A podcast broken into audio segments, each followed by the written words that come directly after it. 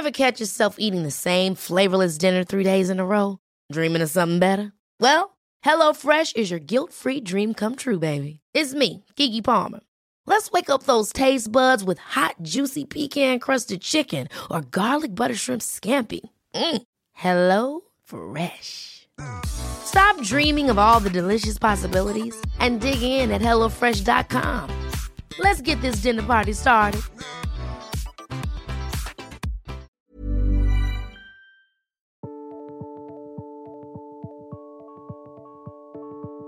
Altså I entreprisesaker så er det jo ofte veldig flinke, spesialiserte advokater som kan jo fagområdet bedre i og for seg enn en, uh, megleren.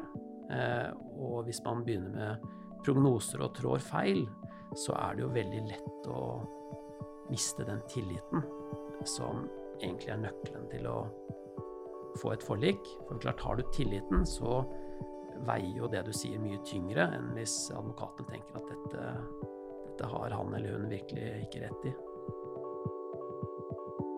Jeg tror det lengste prosesskrivet var på nærmere 450 sider før bilag.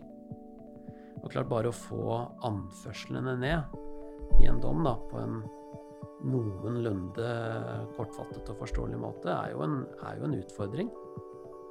Og den dommen endte vel på ja, rundt 125 sider. Og da, da mener jo jeg at jeg veide hvert ord på gullvekt.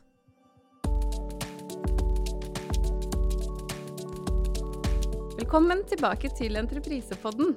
En Grette-podkast om samarbeid i næringen og hvordan aktørene sammen kan skape en god bransje. Temaet i dag er tvistehåndtering i bygg og anlegg, og rettsmegling som satsingsområde. Vi som er programledere i Entreprisepodden, er Madeleine Bråten Bjåland og Jørgen Årdalsbakke. I denne episoden er vi så heldige å ha besøk av Ole Kristen Øverberg, dommer i Oslo tingrett. Velkommen til oss. Tusen takk for det. Kan du si litt om rettsmekling? Eh, vi skal snakke om tvisteløsning og, og, rettsmekling, og kanskje også gjennomføring av, av eh, domstolsbehandling av, av antiprisesaker. Men rettsmekling det er et område som du er engasjert i? Ja. Eh, rettsmekling er jo ikke noe hokus pokus det er eh, en eh, forhandling som gjennomføres i regi av eh, domstolen. Og det skjer jo etter at man har tatt ut stevning. Vi har fått inn tilsvar. Og så vil retten spørre partene, prosessfullmektene, om de ønsker å megle saken. Og da vil vi sette på en dommer som skal fungere som megler. Og da innkaller vi til et møte i, som regel i tinghuset. Og så møter da partene og prosessfullmektene til et lukket møte. Og det som skiller det fra en vanlig forhandling, er jo rett og slett at man har med seg en, en uavhengig hjelper, en megler, til å eh, hjelpe partene til å komme fram til et forlik. Og eh,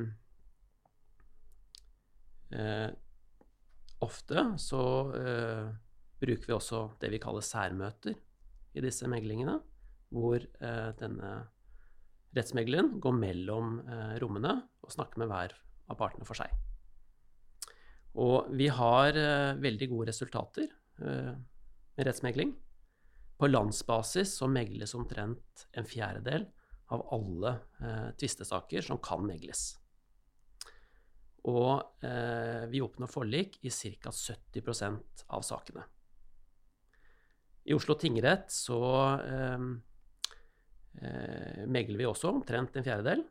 Der har vi klart å oppnå en forliksprosent på ca. 80 i 2020. Det som eh, særpreger meglinger i entreprisesaker, det er jo at eh, sakene som regel er store, komplekse, eh, med mye dokumenter. Og vi eh, velger da ofte å eh, gjennomføre meglingen eh, over mer enn én dag. Det kan være to dager, det kan være mer. Vi setter av og til på eh, mer enn én megler. Det kan være to dommere som fungerer som meglere eller vi bruker en uh, fagkyndig hjelper, f.eks. en sivilingeniør. Uh, og i 2020 så uh, meglet vi i Oslo om lag en tredjedel av entreprisesakene. Jeg har ikke full oversikt over alle avdelingene på huset, men det er tre avdelinger nå som behandler disse sakene. Og på min avdeling så var det en tredjedel, og jeg tror det er likt for de andre også. Du er jo dommer i Oslo tingrett, og hovedløpet, sett fra manges eh, ståsted, det er jo å gå i retten og behandle eh, saken som en ordinær rettssak. Eh, hvorfor er det så viktig å ha et alternativ til, eh, til, til, det? Jeg tenker jo at det at man får til forliket så mange saker, viser jo at eh, det er et behov, et klart behov. Og så vet vi jo eh, både basert på egne erfaringer og opplevelser, men også basert på forskning, at uh, det er en tendens til at parter og advokater overvurderer uh, muligheten til å vinne frem i saken. Og en megling uh, gir jo muligheten til å få kontroll på resultatet på en helt annen måte. det er også mulig da å ivareta interesser som kanskje ikke ellers ville blitt ivaretatt i en hovedforhandling. Man kan jo til og med i en meglinger kunne avtale samarbeidsløsninger for fremtiden, som en del av forliket. Og da ikke bare som enighet om det man har vært med på, men rett og slett også for fremtiden? Ja, man kan jo inngå utenrettslige forlik som del av forliket som gjennomføres for retten, og da kan man jo egentlig avtale hva som helst, så lenge man er enig om å heve saken. I tvisteloven i dag så er jo megling valgfritt. Man kan jo velge om man vil forsøke å løse saken i en megling. Eh, kan du nevne litt om hvordan det kan se ut til å være i fremtiden? Ja, nå eh, er det jo eh, til høring et forslag fra Justisdepartementet om å snu på en måte hovedregelen. Hovedregelen i dag det er jo at eh, man skal megle eh, hvis partene ønsker det. Man pålegger ikke megling selv om det er en teoretisk mulighet for det. Men nå eh, vurderes det da å snu hovedregelen slik at man skal heller begrunne unntakene. Og eh, det er jo argumenter for og imot. Det er selvfølgelig mye mer krevende å megle en sak hvis ikke partene ønsker det. Men eh, vi opplever jo at, eh, at, eh, at når de først stiller til megling, så går det jo eh, i havn. Og jeg tror at mange opplever at uh, de var kanskje for skeptiske i forkant i forhold til hva som uh, var mulig å få til uh, når vi først gjennomfører meglingen. Jeg har lyst til å gå litt inn i rettsmeklingen. Hva skjer i en rettsmekling? hvordan starter man denne prosessen? Ja, altså Man starter jo når man forbereder selve meglingen og avtaler meglingsmøtet. Da vil jeg som megler eh, være opptatt av å nøste opp i alle løse tråder. Eh, hvis det er noe som er utestående, så be om å få det fremlagt. Slik at alle dokumenter, eh, alt av erklæringer eller sakkyndige rapporter er innhentet i forkant av meglingen. Jeg vil sørge for at begge parter vet hvem som stiller. hvis den ene parten stiller med en, en teknisk ekspert på et område, så er det jo viktig å vite det for motparten, slik at de eh, kan vurdere om de har behov for å stille med noe tilsvarende. Det er jo mulig å, å, Det er jo et lukket møte, men i utgangspunktet så vil det jo være aksept for å, for å ta med de man måtte ønske, da, som har eh, betydning i saken. Det kan være sakkyndig, f.eks. Eh, så vil jeg også ønske å vite eh, eh, om det har vært forhandlinger i forkant. Om det har vært uh, forlikstilbud. Um, og jeg vil jo forvente som megler at man er villig til å strekke seg. Det tenker jeg at begge parter har grunn til å forvente. Når man først stiller da til et, mm. nytt, et nytt forhandlingsmøte. Um, så vil jeg vurdere om det er uh, behov for å ha en befaring, f.eks. Det kan det jo av og til være i uh, entreprisesaker. Eh, jeg hadde en, megling i Bjørvika, hvor vi så på Det var to større boligkomplekser hvor det var noen større vinduer som hadde begynt å sige. Da valgte vi å sette meglingen i et møterom i nærheten av Bjørvika, og så så vi på, på disse to eh, husene. Og vinduene, som eh, iallfall deler av det, da. Og så meglet vi på stedet. Det kan være veldig nyttig å se ting fremfor å bare snakke om det i mm. et møterom i, i tinghuset. Så eh, er det ofte grunn til å vurdere om man skal ha med seg en uh, sakkyndig.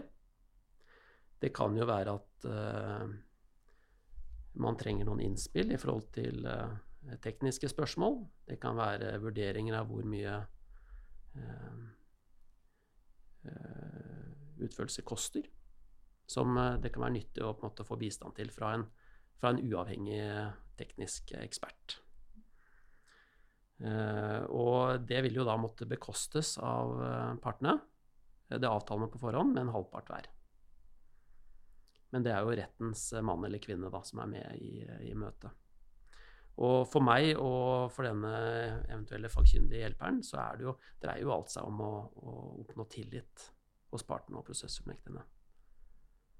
Det, det, jobber vi mot uh, både i forberedelsen og under selve meglingen. Mm. Har dere samtaler med partene i forkant av meklingsmøtet, eller er det meklingsmøtet hvor Ja, altså vi har, vi har, jo Jeg har i hvert fall alltid, som regel alltid samtaler med prosessfullmektigene i forkant. Og det er jo rett og slett for å ta en fot i bakken. Og vi tar gjerne det møtet som en konferanse. Eh, hvis mulig. Hvis ikke så er det av og til vi snakker med de eh, hver for seg også. Og det er for at vi skal stille forberedt. Og så eh, for min egen del så leser jeg meg mer opp på saken eh, til en rettsmegling enn det jeg gjør til en hovedforhandling. Det er fordi at jeg skal ha eh, så god kontroll som mulig på faktum i saken. Og så leter jeg selvfølgelig også etter punkter som det kan være nyttig å diskutere under meglingen. Ja, Så det blir mer forberedelser på deg som dommer i en rettsmegling? Ja, det gjør det. For å kunne styre den på en god måte? Ja, og så tenker jeg det er jo veldig viktig for å oppnå den tilliten man ønsker. Ja. At du viser at du har, på en måte, har kontroll på saken. Uh, og eh, det er klart, når jeg leser saken uh, i forkant, så jeg leter jo etter litt usikre punkter på partene. Helst på begge sider. Som jeg, jeg tenker kan være grunn til å bringe litt klarhet i. Hvis vi går til selve meklingsmøtet, ja. Hva skjer i det møtet? Ja, altså eh, Det starter jo gjerne da med en eh, ikke altfor lang innledning fra, fra megler. Eh, så er det typisk slik at advokatene eh, sier litt om hvordan de ser på saken. Og jeg trenger jo ikke som megler da å høre bare en gjengivelse av det som står i prosesskrivene, for det har jeg jo lest.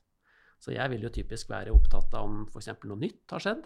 Eh, er det noe, noe, som ikke har kommet frem da, så godt i dokumentene som jeg bør vite om, og om eh, advokatene har, og partene har noe, noen innspill til hvordan vi skal legge opp dagen. Hvordan skaper du tillit? Her er det jo antageligvis aktører som både har eh, kanskje hatt gode tider sammen. Man har inngått en kontrakt og man har gjennomført deler av et prosjekt, men uenigheten er oppstått på et eller annet tidspunkt. Hvordan kan du bidra som mekler og dommer til å skape den tilliten som gjør at partene begynner å snakke sammen? Ja, Som jeg sa i sted, så er det jo det å sette seg inn i saken er jo da alfa og mega, tenker jeg da. Og så eh, tar jeg gjerne og googler eh, hvem som stiller, slik at jeg har full kontroll på, på eh, hvem som stiller for partene. Hva slags funksjoner de har. Ehm, og eh, så er det jo mye om å gjøre, i hvert fall i starten, å få til en god stemning i meglingsrommet. Og jeg opplever jo så å si alltid at det er en, eh, en fin ordveksling i disse meglingsmøtene. Men eh, det krever jo en, en, ord, altså en styring av hvem som har, har, ordet. Men det er veldig nyttig å sitte i disse møtene og prøve å forhandle, eller snakke seg gjennom de ulike problemene som uh, har oppstått. Er det bedre stemning i en rettsmegling enn en hovedforhandling? Ja, det vil jeg si.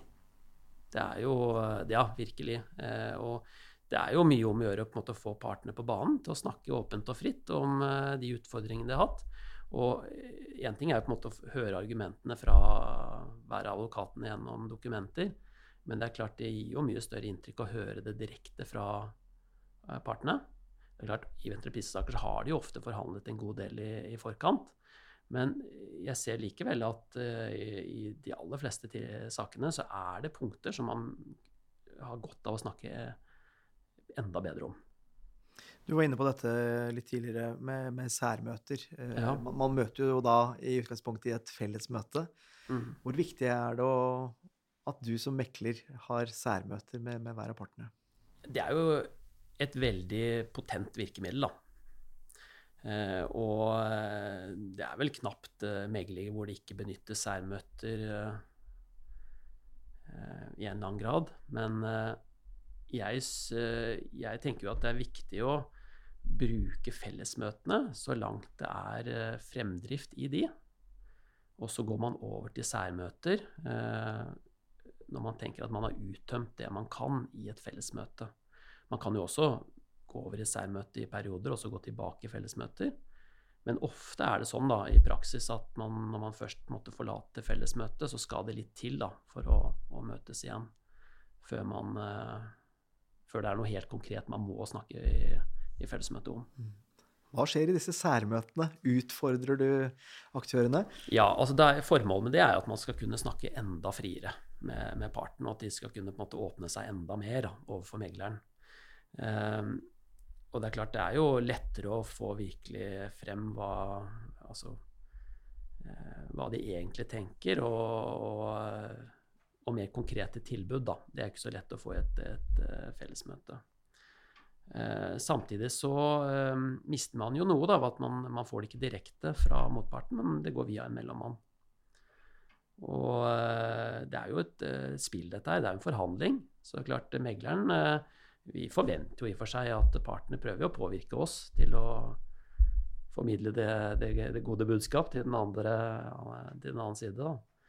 Eh, og i og for seg så kan jo megleren også til en viss grad manipulere ikke sant? i forhold til hva man sier og ikke.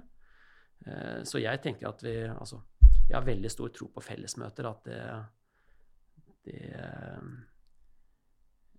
de ivaretar en del uh, hensyn da, som man ikke gjør så godt med, med særmøter. Men igjen, særmøter er kjempe, et kjempeviktig virkemiddel, og jeg bruker de selv. Og hvis du tar en, en helt typisk eh, megling for meg, da, eh, ikke nødvendigvis entreprise, men en helt vanlig sak, så vil, eh, vil den typisk ha en varighet fra ni til to, altså fem timer. Og så vil jeg sitte i fellesmøter med partene fram til lunsj, og så begynner man med særmøter etterpå. Uh, så og, da har man satt av én dag til en ja, entreprisesak? Nei, ikke, altså, nei? I, men i, nå snakker jeg om en helt vanlig sak. Ja. Det kan være hva som helst. Mm. Og i, det er jo flere entreprisesaker vi bare har på én dag også, ja. men kanskje ikke de aller største, da. Nei. Men det som, man kan, som på en måte skiller seg eh, spesielt ut for særmøtene, er at der kan partene faktisk styre hva megleren skal si og ikke si. Mm. De kan si at 'jeg vil at du skal si dette', men ikke dette når du snakker med motparten. Ja. I entreprisesaker så er det ofte mange kravsposter. Eh, summen er kanskje store beløp, eh, men, men, eh, disse mindre kravspostene, begynner du å jobbe med dem, eller er det denne totalsummen som, som, er utgangspunktet når du begynner å jobbe med denne materien? Ja, nå har vi, jo ikke, vi har jo ikke all verdens av tid, selv om vi nå har satt av to dager. Så det er klart, jeg, jeg tenker jo på hva som virkelig monner, da, når det gjelder beløp. At det er greit å ha et fokus på det. Og så i entreprisemegler så er det jo ikke helt sjelden at det på en måte blir til slutt en, en sekk med mindre poster som man rett og slett bare må håndtere på kanskje litt enklere vis, da.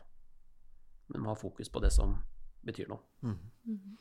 Klarer eh, partene sjøl å, å, gjøre en sånn avveining som, som, du er inne på der? At man fokuserer på de viktigste, eller vil det være kjepphestene som fortsatt uh, styrer? ja, det er jo et litt sånn vanskelig spørsmål, da.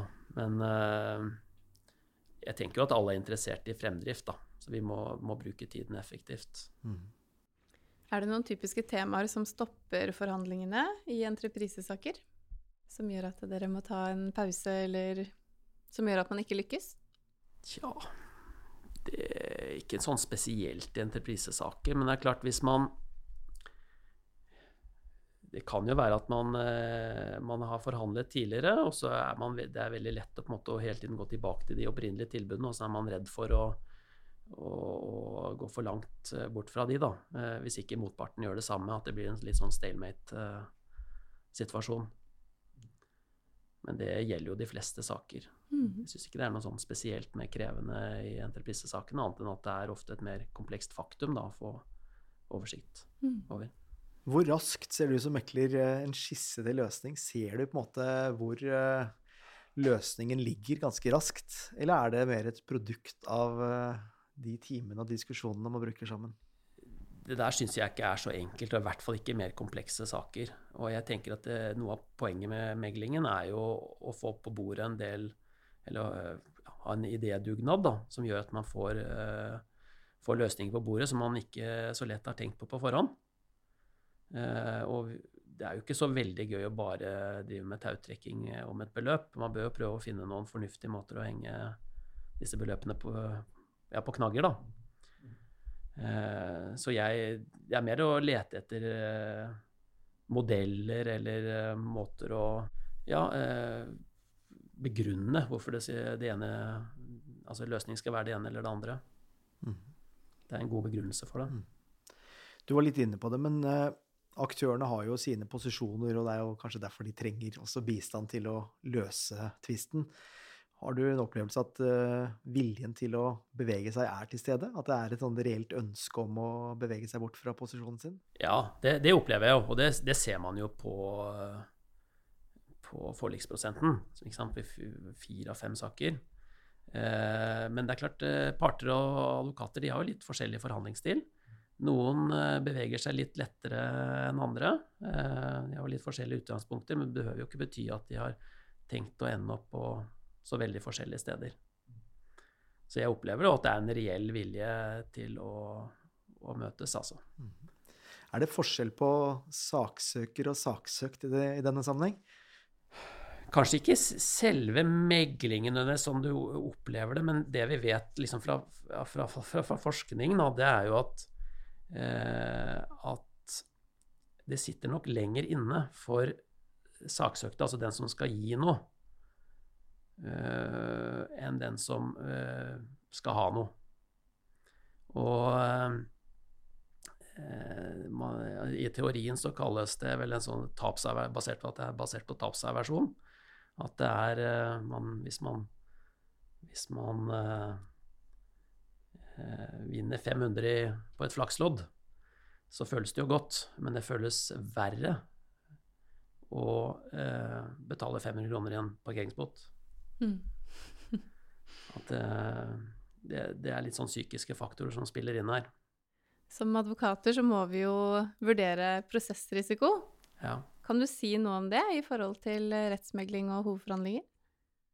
Ja, altså eh, Når det gjelder altså, Som dommer, da, så, så, tenker jeg jo av og til at, uh, at uh, partene og prosessfullmektigene overvurderer Eh, litt muligheten for å vinne frem i saken.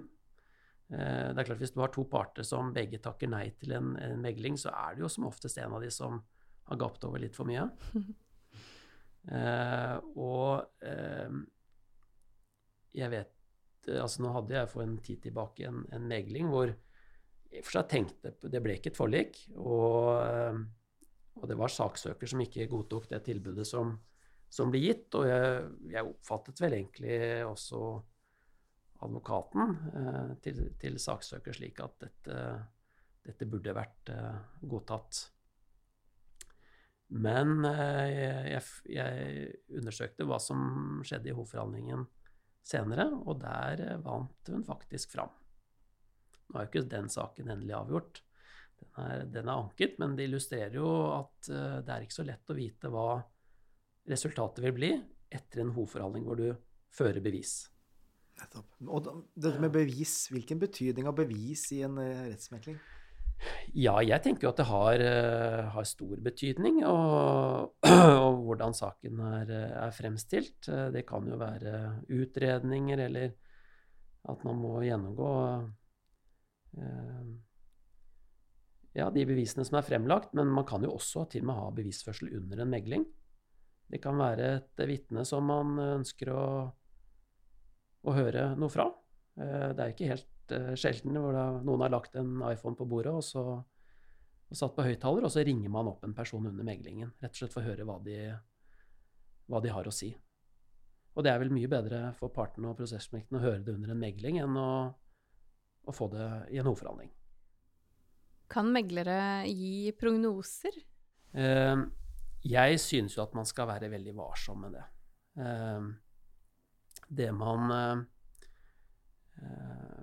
Det som måte, fremgår av, av uh, tvistloven, er jo at man kan peke på eller drøfte styrker og svakheter i, uh, i, saken. Men jeg tenker nok å gi prognoser, det er å gå uh, for langt. Og det eksempelet mitt i sted illustrerer jo litt det. Og jeg tenker jo at advokaten og parten også De kunne nok kanskje tenke seg det av og til, at dommeren kommer med en prognose. Men det er jo ikke basert på situasjonen slik den ville vært etter en hovedforhandling. Så jeg syns man skal være skeptisk til det. Og det er klart, hvis du, altså I entreprisesaker så er det jo ofte veldig flinke, spesialiserte advokater som kan jo fagområdet bedre i og for seg enn en, uh, megleren. Uh, og hvis man begynner med prognoser og trår feil, så er det jo veldig lett å miste den tilliten som egentlig er nøkkelen til å få et forlik. For klart, har du tilliten, så veier jo det du sier, mye tyngre enn hvis advokaten tenker at dette, dette har han eller hun virkelig ikke rett i. Dette med prosessrisiko, snakker du med aktørene underveis eh, under meklingen om prosessrisiko? Ja, eh, det gjør man jo. Eh, og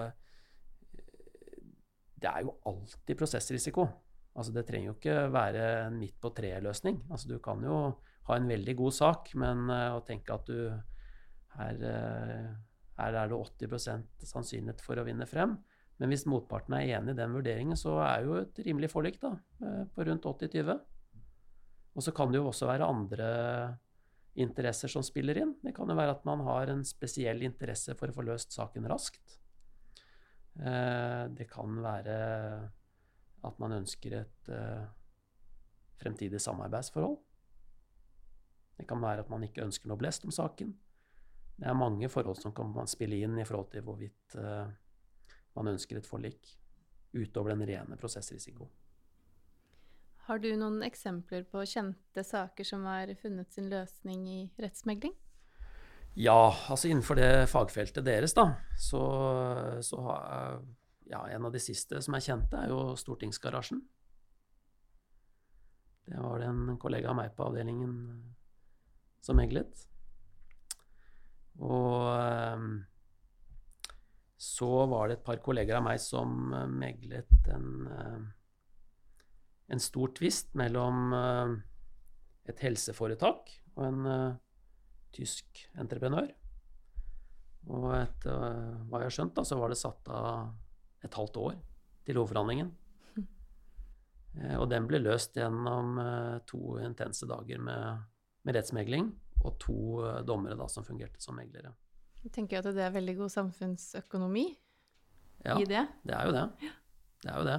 Og jeg tror man skal lede, spesielt i entreprisesaker, hvor det er ofte mange mindre krav også, så jeg tror du skal lete litt etter den saken hvor en part har fått medhold i absolutt alt. Mm. Så eh, jeg tror at mange vil, eh, vil oppleve at det å få til en meglingsløsning i disse sakene er eh, fornuftig på, på mange plan. Hvordan er ressursbruken deres i domstolen når det gjelder rettsmekling? Ja, vi Det er klart, altså Hvis du tar entreprisesaker, da, som jeg, sant, jeg nevnte, ta én til tre uker ofte i retten, og kanskje mer enn det òg. Og så skal vi jo skrive dom etterpå, og det er jo både tidkrevende og, og krever jo mye av dommeren, og mm. kanskje også fagkyndige meddommere. Slik at uh, fra tingrettens side uh, så er jo vi villige til å bruke en god del ressurser for å få partene til å, å forhandle i stedet. Mm. Det sparer både vi og forhåpentligvis da partene og prosessmekene tid og ressurser på. For jeg tenker jo Entreprisedommer er jo ofte lange. Mange mm. sider. Ja. Har du noen kommentar til det? Nei, altså vi prøver jo da eh, å skrive så enkelt og kortfattet som mulig, men eh, det er ikke alltid så, så enkelt, det, altså. Det, jeg, jeg hadde en, eh, en stor IKT-entreprise hvor, hvor det var en hovedforhandling som varte i, i tre måneder. Eh, det var dokumentmengde på om lag 30 000 sider. Eh, Jeg tror jeg fikk eh, utdelt eh, nærmere 1000 sider i disposisjoner, også noen hjelpedokumenter under hovedforhandlingen. Og så skal jo, jeg tror det lengste prosesskrivet jeg var på nærmere 450 sider før bilag. Og klart bare å få anførslene ned i en dom da, på en noenlunde kortfattet og forståelig måte, er jo en, er jo en utfordring. Og eh, den dommen endte vel på ja, rundt 125 sider. Og da, da mener jo jeg at jeg veide hvert ord på gullvekt. Men gjør vi advokatene det litt unødvendig komplekst? Ja, altså det, det, det er jo av og til jeg har tenkt det, at det er eh, det, det skrives enormt mye, eh, og det anføres eh, atter og atter subsidiært. Eh, selv om man ja, Av og til har tenkt at det kanskje det hadde vært eh, en bedre ressursbruk og kanskje enda større muligheter til å vinne frem hvis man fokuserte på det man virkelig trodde man ville vinne frem med. da. Istedenfor å kanskje prøve å få til noe som man kanskje kan få, få, vinne, få til å vinne frem med. Mm. Så forenkling er eh, nøkkelen her? Ja, jeg, jeg, gjør, gjør det enkelt. Det er som jeg av og til har sagt, liksom, bruke KISS-metoden. Keep it simple, stupid. Det, det gjelder også her. Hva med saksfremlegg til eh, i forkant av rettsmeklingen? Får dere noen egne presentasjoner, eller eh, en form for kortere presentasjon av saksforholdet? Ja, det, vi får jo som regel det man kaller sluttinnlegg. Mhm. Og det er jo en uh, mer kortfattet gjennomgang av, uh, av anførsler uh, og påstand. Man kan jo også tidvis be om sånne felles fremlegg når det gjelder faktum. Men det er veldig vanskelig å få til i praksis. Det er ikke så mange advokater som, som liker det, tror jeg. Man har sitt eget bilde av, av saken som man ønsker å få frem. Jeg tenker litt på også gjennomføringen av, av rettsmekling og advokatens rolle. Er advokatens rolle mindre viktig i en rettsmeklingssituasjon enn i en hovedforhandling? Klart, eh, Advokaten har jo en helt sentral rolle der, men eh, hva med rettsmeklingen? Nei, jeg tenker at de er eh, veldig sentrale. De er jo ridderne til sine klienter, da. Og jeg tenker at de har en helt naturlig plass ved, ved bordet, og er jo på en måte rådgivere og hjelpere. Eh, på samme måte som megleren skal hjelpe partene fram til en løsning. Men det er jo viktig å få partene på banen også, slik at de føler et eierskap til prosessen. Det er de som skal leve med det etterpå. Eh, som om det, er liksom ikke eh, for syns skyld at man ofte plasserer partene nærmest megleren, slik at ikke de blir glemt. Men det er klart, når det gjelder profesjonelle parter, så, så tar de ofte sin plass i rommet uansett, altså. Hvordan er det med rettsmekling? Dere i Oslo tingrett eh, mekler mange saker. Eh, hva med andre steder i landet? Ja, altså vi er jo eh, rent statistisk omtrent eh, eh, som på landsbasis. Eh, vi har jo litt flere eh, saker som ender med forlik, men, og jeg tror nok i, i entreprisesakene så, så eh, megler vi mye. Eh, kanskje, kanskje mer enn det man gjør i snitt ellers på landsbasis, men det har jeg jo ikke dekning for å si eh, ut fra den statistikken jeg har sett. Mm. Um, um, ja. Er det en standardisering av rettsmeklingen? ja, standardisering Altså, det er jo noe som vi eh, har mange kompetansetiltak eh, på. Og vi prøver å få en litt mer enhetlig behandling. Det er klart, jeg tror nok i praksis at mange opplever at eh, meglinger kan variere en god del da, mellom eh, domstoler og, og meglere. Eh, Jeg vet jo at det er domstoler i landet som har eh, veldig gode resultater, men som har en praksis for eksempel, i forhold til dette med særmøter og fellesmøter som er ganske annerledes enn hva jeg har. Eh, Så jeg vet ikke uh, hva, Dere du tenker, hva, tenker. hva tenker dere, da? Hva er dere som har, uh, har dere meglet noen andre steder enn i Oslo? Ja, og det er jo litt ulikt, som du sier. Ja. Og nettopp det også er litt fascinerende, at meklingen egentlig kan være ganske ulik. Ja. Og ikke minst eh, meklerens uh, rolle. Uh, hvor mye mekleren påvirker selve diskusjonen. ja. Men hva tenker du, hva er det du liker best da, eller forventer? Jeg tenker at en mekler som eh, peker på eh, kanskje styrker, eh, men også Ja. svakheter i saksforholdet. Eh, Ja. At det kanskje ikke ting er så svart-hvitt som eh, kanskje verken den ene eller andre parten eh, eh, fremstiller det som. Nei, og jeg, jeg- tenker jo det er eh, veldig nyttig. Og, og sant, det, det kan jo gjøres på en helt fin og åpen måte. Altså Man stiller åpne spørsmål om hvordan henger dette her eh, sammen. Og så får du kanskje gode svar eh, fra motparten, og da er det jo greit som advokat å høre det. For det, eh, disse her skal jo forklare seg i en hovedforhandling òg. Det er jo greit å vite hvordan de forklarer seg. Og hvis, til og med hvis egen klient gir noen eh, dårlige svar, det er greit å vite om det òg. Og så er det dette med tid. Eh, eh, tiden som er satt av. Eh, si litt om dagen. Man kan jo fort få litt sånn travelt på ettermiddagen for å komme i havn. Ja, ja altså jeg vet jo at uh, ofte så tar meglinger lengre tid enn det partene tror. Man tror liksom at her, nå har man forhandlet uh, mye i forkant, og nå skal vi gjøre et siste forsøk, og så får vi en rask prosess, og så ser vi liksom ganske fort da om dette her er mulig å lande eller ikke. Men i praksis så, så tar dette litt tid, altså. Og det må modnes. Ofte så dukker det opp uh, uventede ideer eller eh, eller beskrivelser av eh, noe som har skjedd, som gjør at man må tenke litt over det. Og for egen del så sørger jeg alltid for at jeg ikke har noe som tvinger meg til å gå. Så før når jeg hadde barn i barnehage og sånn, så sørget jeg for at det var andre som, som hentet de dagene jeg hadde megling. Rett og slett for at ikke tiden skal presse meg. Og det å bevare roen tror jeg er utrolig viktig under en eh, megling. For det, det, er, det skjer noe når, eh, når man bruker tid. Jeg opplever iallfall, selv om det kan virke fastlåst da, litt utpå dagen, så plutselig så løsner det. Mm. Da er det noen som har en god idé. Kan det være motiverende i seg selv å tenke at uh, vi kan sitte så lenge det tar til vi finner en løsning? Ja, men samtidig så skal det jo være fremdrift. Du, må, du må føle at du er på vei. Mm. Selv om du selvfølgelig kan ha perioder hvor, eh, hvor det er litt stopp. Så ja, det må være konstruktivt. Og da må, tenker jeg, det er veldig viktig å ha en engasjert og eh, flink megler som kan saken godt. Si litt om eh, avtalen hvis man er eh, eh, kommer til enighet. Hva, Ja. hva, hva gjør du med, med formalitetene? Ja, da må vi jo eh, tenke som jurister, da. Da er det jo om å gjøre å, å prøve å avtale noe som ikke skaper konflikt i etterkant. Gjøre det enkelt der òg. Mm. Det er av og til det kan virke kan bli ganske komplisert. Ofte så diskuterer man jo ulike former for løsninger.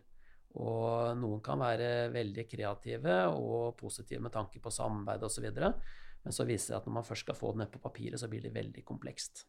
Og så kan det hende at man ender opp med noe som er litt enklere likevel, da. Men det, det har likevel ført til en positiv prosess. Og kanskje at man til slutt er villig til å strekke seg litt mer når det gjelder den enkle løsningen. Rett og slett fordi man har fått en god tone. Eh, men jeg, altså helt konkret når det gjelder avtalen, så tenker jeg bare å lese det som en jurist ville gjort.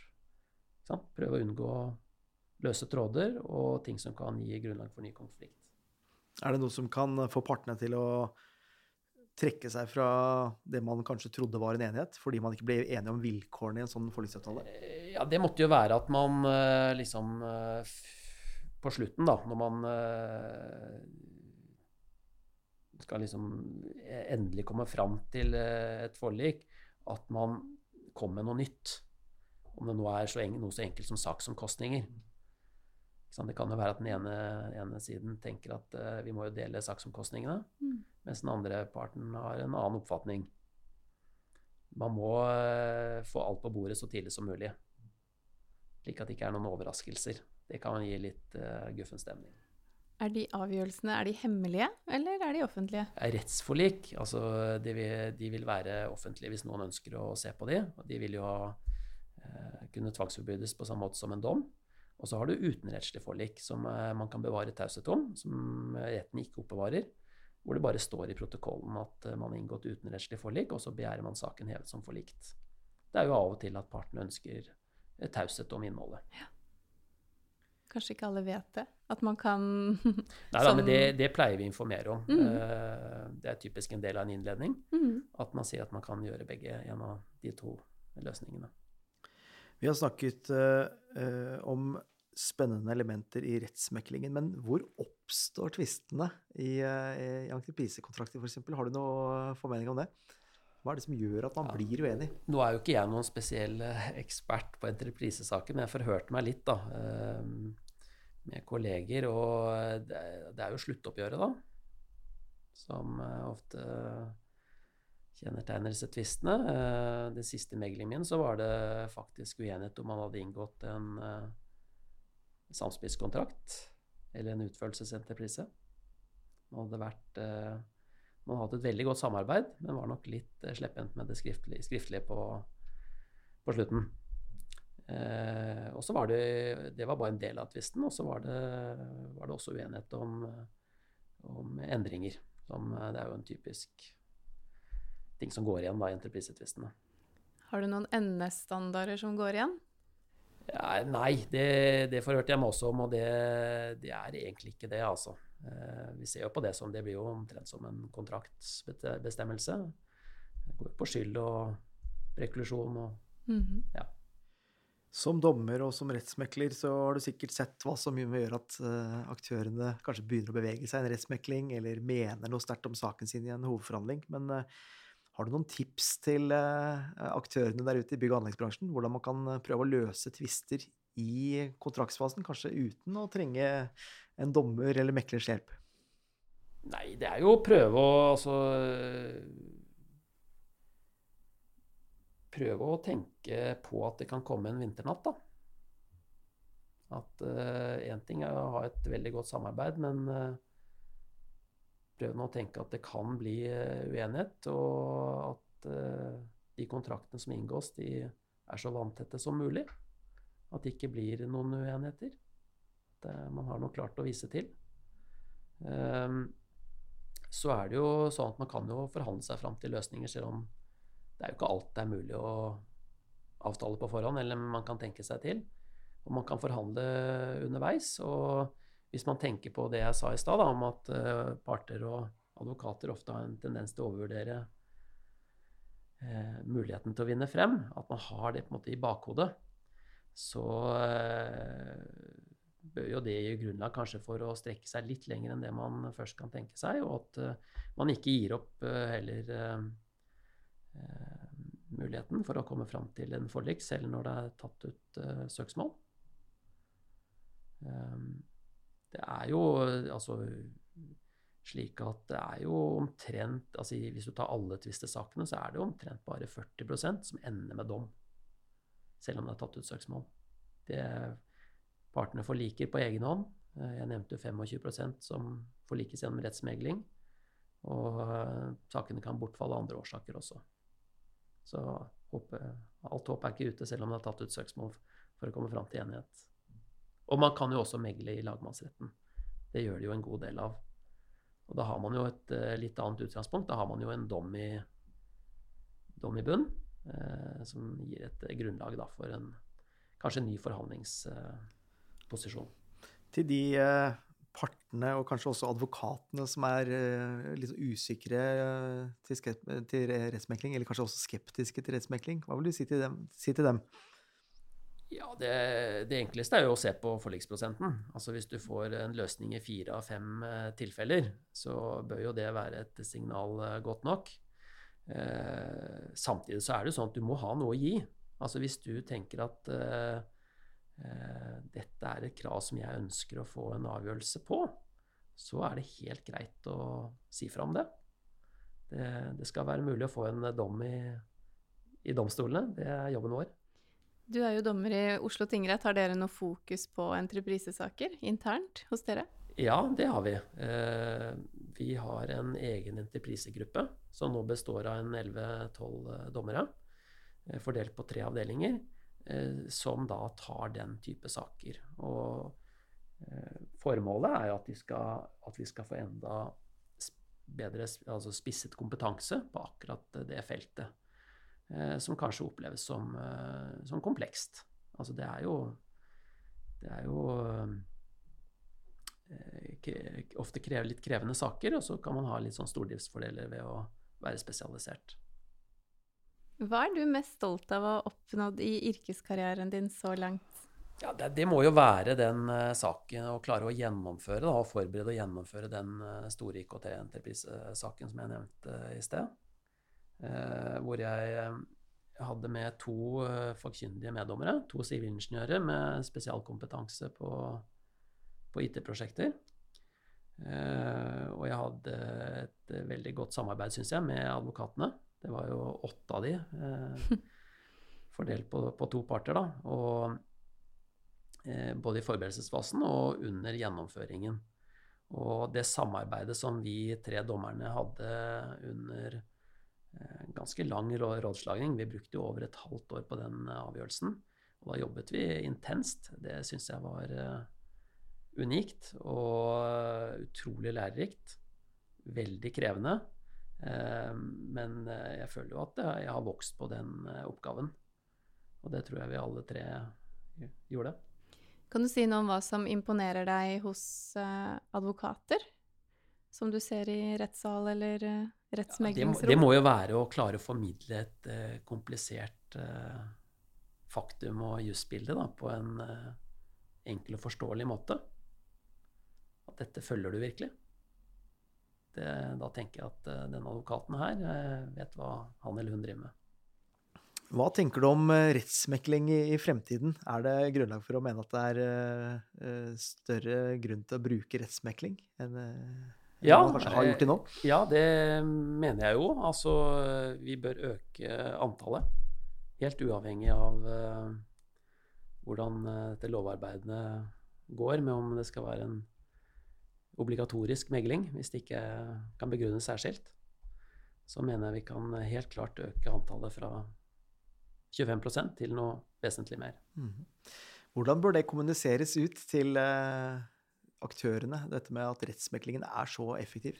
Ja, gjør det, jeg gjør det jo nå, da. Ja. Eh, prøve å formidle på en måte hvor gode resultater som er ved, ved rettsmegling. Ehm, så man må jo bare prøve å formidle det gode ord. Og så er det jo selvfølgelig viktig for domstolen å ha, en, eh, ha gode meglinger. At vi, har, eh, at vi, stiller med forberedte og flinke meglere. Slik, for det, det, er klart, det holder jo ikke nødvendigvis bare det å få, få, en løsning. Det skal oppleves som en god prosess, slik at man er komfortabel med resultatet. Det er jo da det blir formidlet videre at dette er noe man bør gjøre mer av. Ja, vi har jo også noen eh, faste spørsmål til gjestene våre. Eh, det første spørsmålet er hvis du kunne byttet jobb med hvem du vil, hvem skulle det vært? Ja, det er jo et litt vanskelig spørsmål. Altså, jeg tror de mange dommere er veldig fornøyd med den jobben vi, de har, da. Og det, det, er jo jeg også. Altså, jeg syns det er en utrolig spennende jobb og variert. Uh, men jeg har prøvd å tenke litt, da. Og jeg er jo litt sånn eh, Jeg er litt forsvarsinteressert. Eh, jeg har til og med en, en, Jeg sitter som leder i en klagenemnd for disiplinærsaker i Forsvaret. Og eh, jeg så hele denne Le Byrå-serien på TV. Så la oss si at jeg hadde fått være en sentral rådgiver for sjefen i E-tjenesten. Det kunne vært spennende. F.eks. For i forbindelse med dette datainnbruddet på Stortinget. Hva vet de egentlig? Han vet de virkelig hvem som står bak? Hvordan vil de møte det? Det hadde vært gøy. Vi har også et uh, spørsmål som er ukas uh, drømmeprosjekt. Har du tenkt noe på det? Ja, det blir, det blir, jo ikke å gjennomføre en kjempestor entreprisesak og skrive dom etterpå. Det blir ikke det, altså.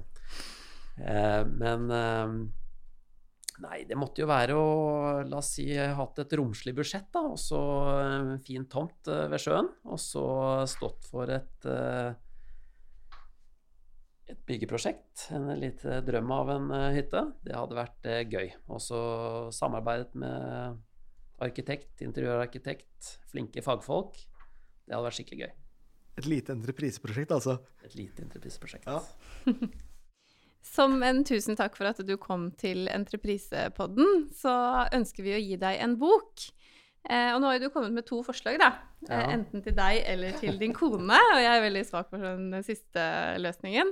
Men så kom vi frem til at nå er det jo snart påskeferie og påskekrim. Så da blir det eh, 'Rottejegeren' av Max Manus. Kan du si litt om valget? Nei, det er jo, jeg er jo som jeg sa litt forsvarsinteressert, da. Og så jeg opptatt av krigshistorie, og særlig annen verdenskrig. Og den boken har jo fått veldig gode anmeldelser. Så den eh, gleder jeg meg til å lese til, til påske. Veldig bra. Tusen takk for at du kom til oss og snakket om rettsmekling. Ole Kristen Øverberg, dommer i Oslo tingrett. Tusen takk.